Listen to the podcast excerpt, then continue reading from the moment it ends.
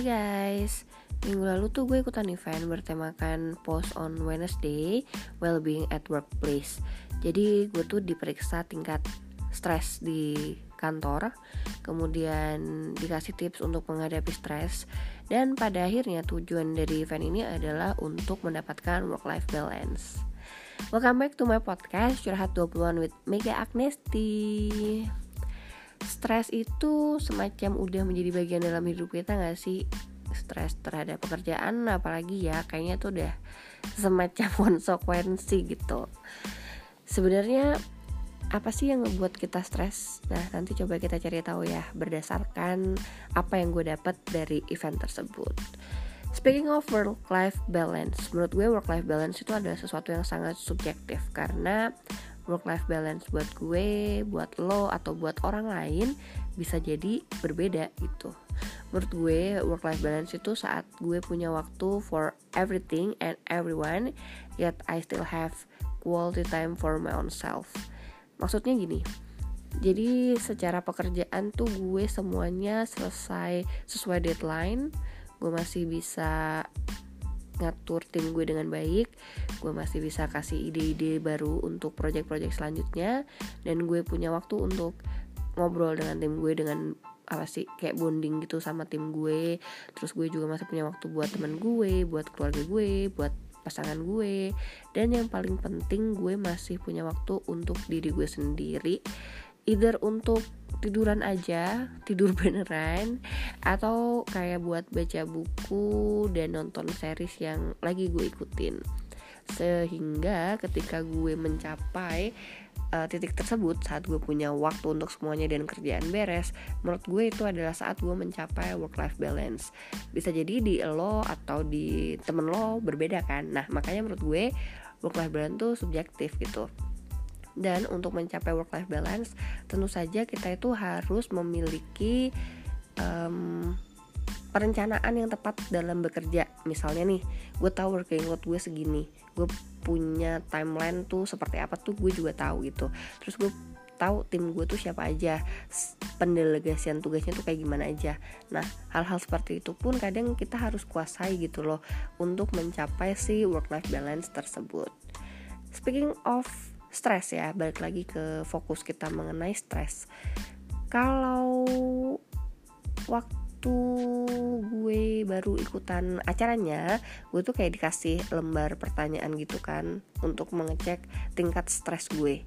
Nah kalau gue baca-baca nih kebanyakan yang ditanyakan adalah hubungan gue sama atasan gitu. Jadi gue bisa simpulin ya kalau yang bikin orang-orang stres di kantor seringnya adalah selain pressure pekerjaan itu sendiri adalah pressure dari atasan. Dan setelah gue pikir-pikir ya ternyata gue tuh nggak pernah ada isu yang berat gitu sama atasan gue. Ya pasti ada lah ya atasan yang sangat otoriter atau dominan yang pada akhirnya bikin gue under pressure.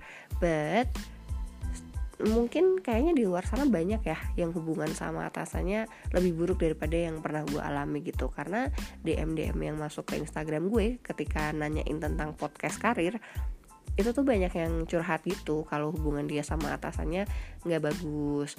Nah kalau ternyata masalah stres lo di kantor sumbernya adalah sama atasan menurut gue harus ada komunikasi yang baik sih antara lo sama atasan gitu.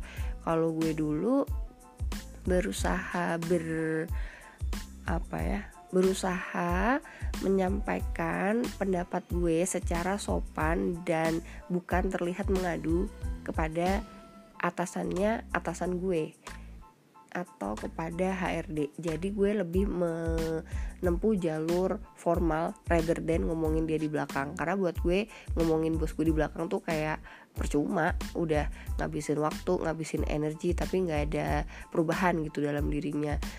Tapi kalau ngomong sama dia langsung takut kan. Jadi pada akhirnya gue nyari uh, bantuan yang lebih superior instead of nyari bantuan ke teman-teman gue karena kalau nyari bantuan ke teman-teman gue jatuhnya uh, orang dimotivasi ketemu orang dimotivasi yang ada malah sama-sama down terus ngomongin orang doang gitu ujung-ujungnya jadi kalau buat gue gue lebih suka untuk ngomong dengan superiornya dengan HRD atau kalau emang bisa menemukan waktu yang tepat gue ngomong langsung sama dia apa yang menjadi hmm, apa ya kayak kerikil. Allah kayak menjadi sandungan lah antara komunikasi gue sama dia gitu. Nah kalau stres terkait atasan sebenarnya nggak tahu dibahas di acara kemarin kayak dia tuh kasih riset apa sih sebenarnya yang membuat orang stres?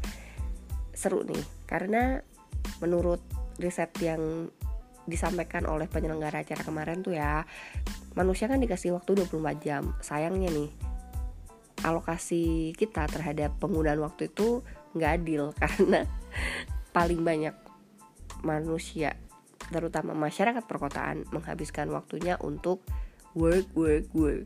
Jadi kayak lagunya Rihanna gitu. 30% eh sorry 35% waktu masyarakat urban. Banyak dihabiskan buat bekerja. Artinya kita tuh kayak menghabiskan sekitar 10 jaman lah ya untuk bekerja. Sementara kalau tidur kita tuh cuman 30% which is 8 jam. Dan gue yakin banyak sih yang tidurnya kurang dari 8 jam. Bisa 6 jam, 7 jam which is masih angka aman. Tapi banyak juga loh guys yang tidurnya cuma 4-5 jam. Like ya yeah, it happens. Jadi kalau lo masih di kantor jam 10 malam uh, dan udah ngeluh-ngeluh nggak ada apa ya nggak ada apa-apanya kalau dibanding teman-teman kita yang kerja di agency di biro arsitek atau apa ya finansial kali ya. Kayaknya banyak tuh yang suka pulang jam 2 gitu. Tapi itu gak sehat guys. Jadi kalian harus tahu when to stop at workplace gitu. Jadi hmm, menurut gue kalian harus tahu itu tadi ya workloadnya priority list delegasi tugas dan pada akhirnya kalian bisa manage pekerjaan kalian gitu. Nah selain itu nih kalau tadi kan udah nih ya tidur 30 kerja 35 sisanya itu 10% banyak orang pakai untuk olahraga dan hanya 5% yang digunakan untuk caring for others Artinya dalam kehidupan kita sehari-hari, interaksi kita dengan manusia lain tuh sangat rendah. Kalau toh kalian berinteraksi di kantor dengan rekan kerja atau dengan partner eksternal gitu ya, ya it just a very very simple interaction, like literally professional interaction gitu. Nggak ada yang deep uh, conversation, nggak ada yang percakapan santai. Yang ada percakapannya ya lebih terkait dengan masalah pekerjaan. Itu bukan hal yang disebut dengan caring for others gitu itu ya hubungan kerja so gimana sih caranya supaya hmm, stres ini nggak sering kita alami salah satunya adalah dengan mengganti alokasi waktu kita seperti misalnya mengurangi porsi kerja jadi kerja tetap 8 jam aja sesekali boleh lah lembur tapi ya jangan kayak lima kali dalam seminggu gitu loh lembur ya kan? Take your time uh, kurangi alokasi waktu untuk kerja kalau tidur udah lah ya 30% tuh cukup. Mungkin perbanyak olahraga atau yang paling penting sebenarnya adalah caring for others. Kalian coba deh apa ya melihat ke belakang gitu uh, pikir-pikir lagi gitu. Berapa banyak sih waktu yang kalian habisin buat catch up sama teman kalian? Atau untuk nanya kabar orang tua kalian gitu atau adik kalian atau kakak kalian. Bahkan ya biasanya kalau orang yang masih tinggal serumah sama orang tuanya kadang take them for granted gitu. Kayak pulang ke rumah langsung masuk ke kamar masing-masing sibuk mainan handphone bahkan nggak sempet makan malam bersama gitu. Weekend juga jalan sendiri-sendiri. Um, coba deh luangkan waktu untuk ngobrol sama orang tua kalian nyeritain hari kalian kepada mereka gitu. Tapi tetap ya ceritanya positif jangan yang jelek-jelek mulu gitu kan. Nah sama kalian coba deh hitung lagi waktu kalian sama pasangan tuh dihabisinnya buat apa? Apakah cuma buat makan nonton terus pas makan atau pas lagi hangout gitu malah sibuk sama handphone masing-masing? Like gue sering sih melihat pasangan tuh yang lebih sibuk dengan handphone masing-masing jadi less affection gitu. Padahal kita sebagai manusia butuh yang namanya kasih sayang dan uh, take care others sehingga menurut gue kalau kalian punya pasangan akan lebih baik lagi kalau lebih bisa intens berkomunikasi rather than pas lagi barengan mainan handphone atau sesekali boleh lah ke bioskop ya. Tapi menurut gue akan lebih enak kalau lebih banyak ngobrolnya. Karena kan sebagai masyarakat perkotaan ketemu pasangan tuh adalah hal yang menurut gue sangat uh, precious ya. Karena kalau gue sama mantan pacar terakhir tuh paling ketemunya sebulan sekali karena dia tinggal di KL dan like paling sebulan ketemunya cuma tiga hari doang. Dan kita sangat memanfaatkan quality time banget gitu di situ. Dan mungkin kalau kalian kalau yang punya anak ya coba deh kalian pikirin berapa banyak sih waktu kalian yang digunakan untuk main bersama anak gitu. Nah mungkin dari sekarang bisa kali ya ditingkatkan untuk waktu bersama orang-orang tersayang ini. Karena kalau kalian ngerasa penuh kasih sayang kalian happy imun dari dalam tubuh kita itu akan jauh lebih tinggi sehingga kita bisa uh, mereduce atau mengurangi level stres kita gitu. Sebenarnya selain meningkatkan caring for others itu saran-saran dari activity kemarin adalah well kita tuh sebelum dapat kesimpulan ya disuruh bikin fokus group discussion gitu. Jadi kita satu meja dengan orang-orang baru yang baru kita temui hari itu. Ada juga sih yang udah sama temennya tapi kayak cuman berdua-berdua. So actually dalam satu meja kebanyakan orang baru yang baru kita temui hari itu terus kita punya satu fasilitator yang akan conduct si fokus group discussion sebenarnya kayak kita dikasih pertanyaan yang men-trigger kita menceritakan tentang kehidupan kita di kantor, stres apa yang kita hadapi, bagaimana kita survive dari kondisi stres sampai akhirnya bisa menyelesaikan stres tersebut dan pada akhirnya mencari tahu sebenarnya kondisi seperti apa sih yang kita anggap work life balance dan how to achieve it. Nah, kalau dari level stres ternyata nggak um, serumit yang kita bayangin sih guys. Yang penting tuh kita tahu masalah atau akar masalah yang membuat kita stres. Misalkan nih gue kalau kayak manage event eventnya minggu depan duit dari finance nggak turun-turun gitu. Nah itu gue agak stres karena vendor sana sini udah ngejarin buat dibayar daripada gue stres fokus pada rasa stres gue atau fokus pada um, aduh nih vendor ribet banget ya kenapa gue nggak stres? Eh kenapa sorry. Kenapa gue nggak nyari solusi supaya vendor nggak ngejar-ngejar? Artinya gue kan punya budget nih ya budget misalnya masih di tangan finance belum turun ke gue gitu kan. So gimana caranya gue harus ngejarin finance supaya segera melakukan pembayaran ke vendor? Nah cari akar masalah itulah yang harus kita um, lakukan dan mencari solusi terbaik supaya masalahnya tepat selesai. Selain mencari tahu akar permasalahan dan solusinya sebenarnya kita tuh dituntut untuk memiliki rasa optimisme di dalam diri kita. Ketika kita menghadapi stres kita harus punya pikiran yang positif dan rasa yang optimis bahwa segala macam masalah pasti ada penyelesaiannya pasti ada cara untuk mengatasinya. Itu yang harus kalian keep in mind saat menghadapi stres dalam pekerjaan. Kalau kalian ngerasa udah susah langkah selanjutnya adalah cari bantuan. Misalnya itu tadi kan pekerjaan yang terkait sama operasional kalian sehari-hari ya. Nyari bantuannya either ke peer kalian atau ke atasan kalian. Tapi gimana nih kalau masalahnya dengan atasan? Apa yang harus bisa kalian lakukan gitu gue sering ya kayak uh, mendengarkan curhatan orang tentang atasannya gitu.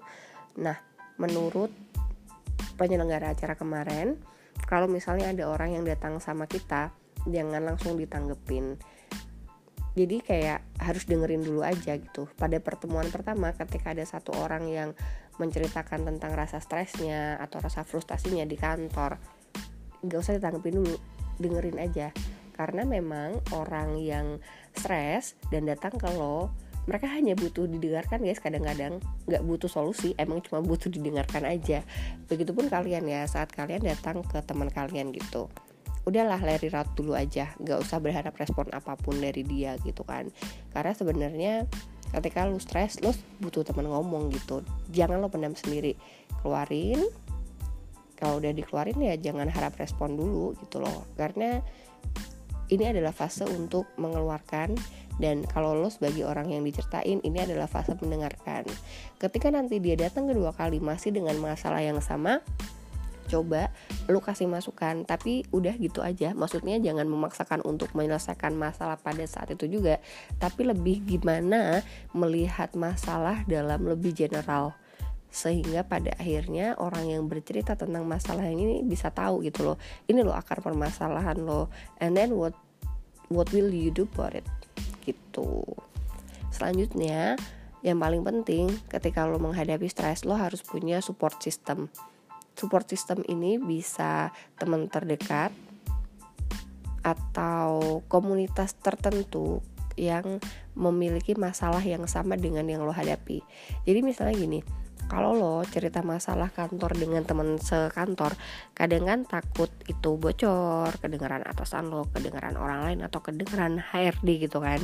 Nah daripada cerita dengan teman kantor yang agak beresiko lo mungkin bisa cerita ke temen lo di luar kantor. Nah kalau cerita sama temen di luar kantor bisa jadi dia akan gak nyambung ketika lo nanya solusi. Karena mungkin situasinya atau industri kalian tuh berbeda gitu. Jadi mungkin bisa juga kalian mendapatkan bantuan itu dari komunitas yang memiliki permasalahan yang sama. Kalau contohnya dia tuh kayak ngasih contoh tentang EE yang ada di US itu loh yang alkoholik Anonymous. Jadi kalau kayak di US ada perkumpulan orang-orang yang pengen uh, apa ya rehab dari ketergantungan alkohol. Nah setelah itu kayak mereka uh, menceritakan kan kondisinya seperti apa, cara menghadapi masalah ini tuh gimana. Begitupun dalam stres ini kalian kayak punya komunitas, mungkin lebih kayak ke professional network gitu loh yang menceritakan tentang masalah gue tuh seperti ini gitu. Kalau kalian gimana? Karena beneran deh si fokus group discussion yang awalnya menceritakan tentang stres di kantornya masing-masing dan pada akhirnya kita dituntut untuk mencari tahu gimana situasi yang work life balance. Kayak kita tuh belajar satu sama lain oh ternyata di pekerjaannya dia kayak gitu ya ternyata kalau entrepreneur begitu ya ternyata kalau freelance begitu ya. Dan pada akhirnya kayak kita oh jadi kalau kita mengatasi stres harusnya seperti ini dan belum tentu mengatasi stres di tempat gue tuh sama kayak di tempat lo. Karena entrepreneur sama karyawan pasti akan beda dong cara menghadapinya.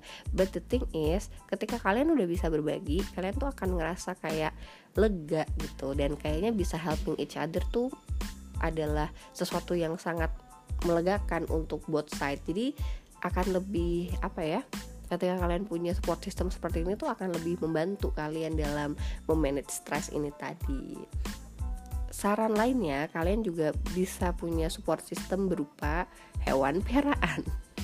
Karena kadang nyampe rumah kalau ketemu anjing gitu atau ketemu kucing terus kita main sama mereka seringnya ya itu akan membuat kalian uh, rilis stres jadi gue punya beberapa teman yang tinggal sendirian yang awalnya tuh gampang terkena stres dan um, depresi atau anxiety itu bisa terbantu dengan memelihara uh, anjing atau kucing gitu.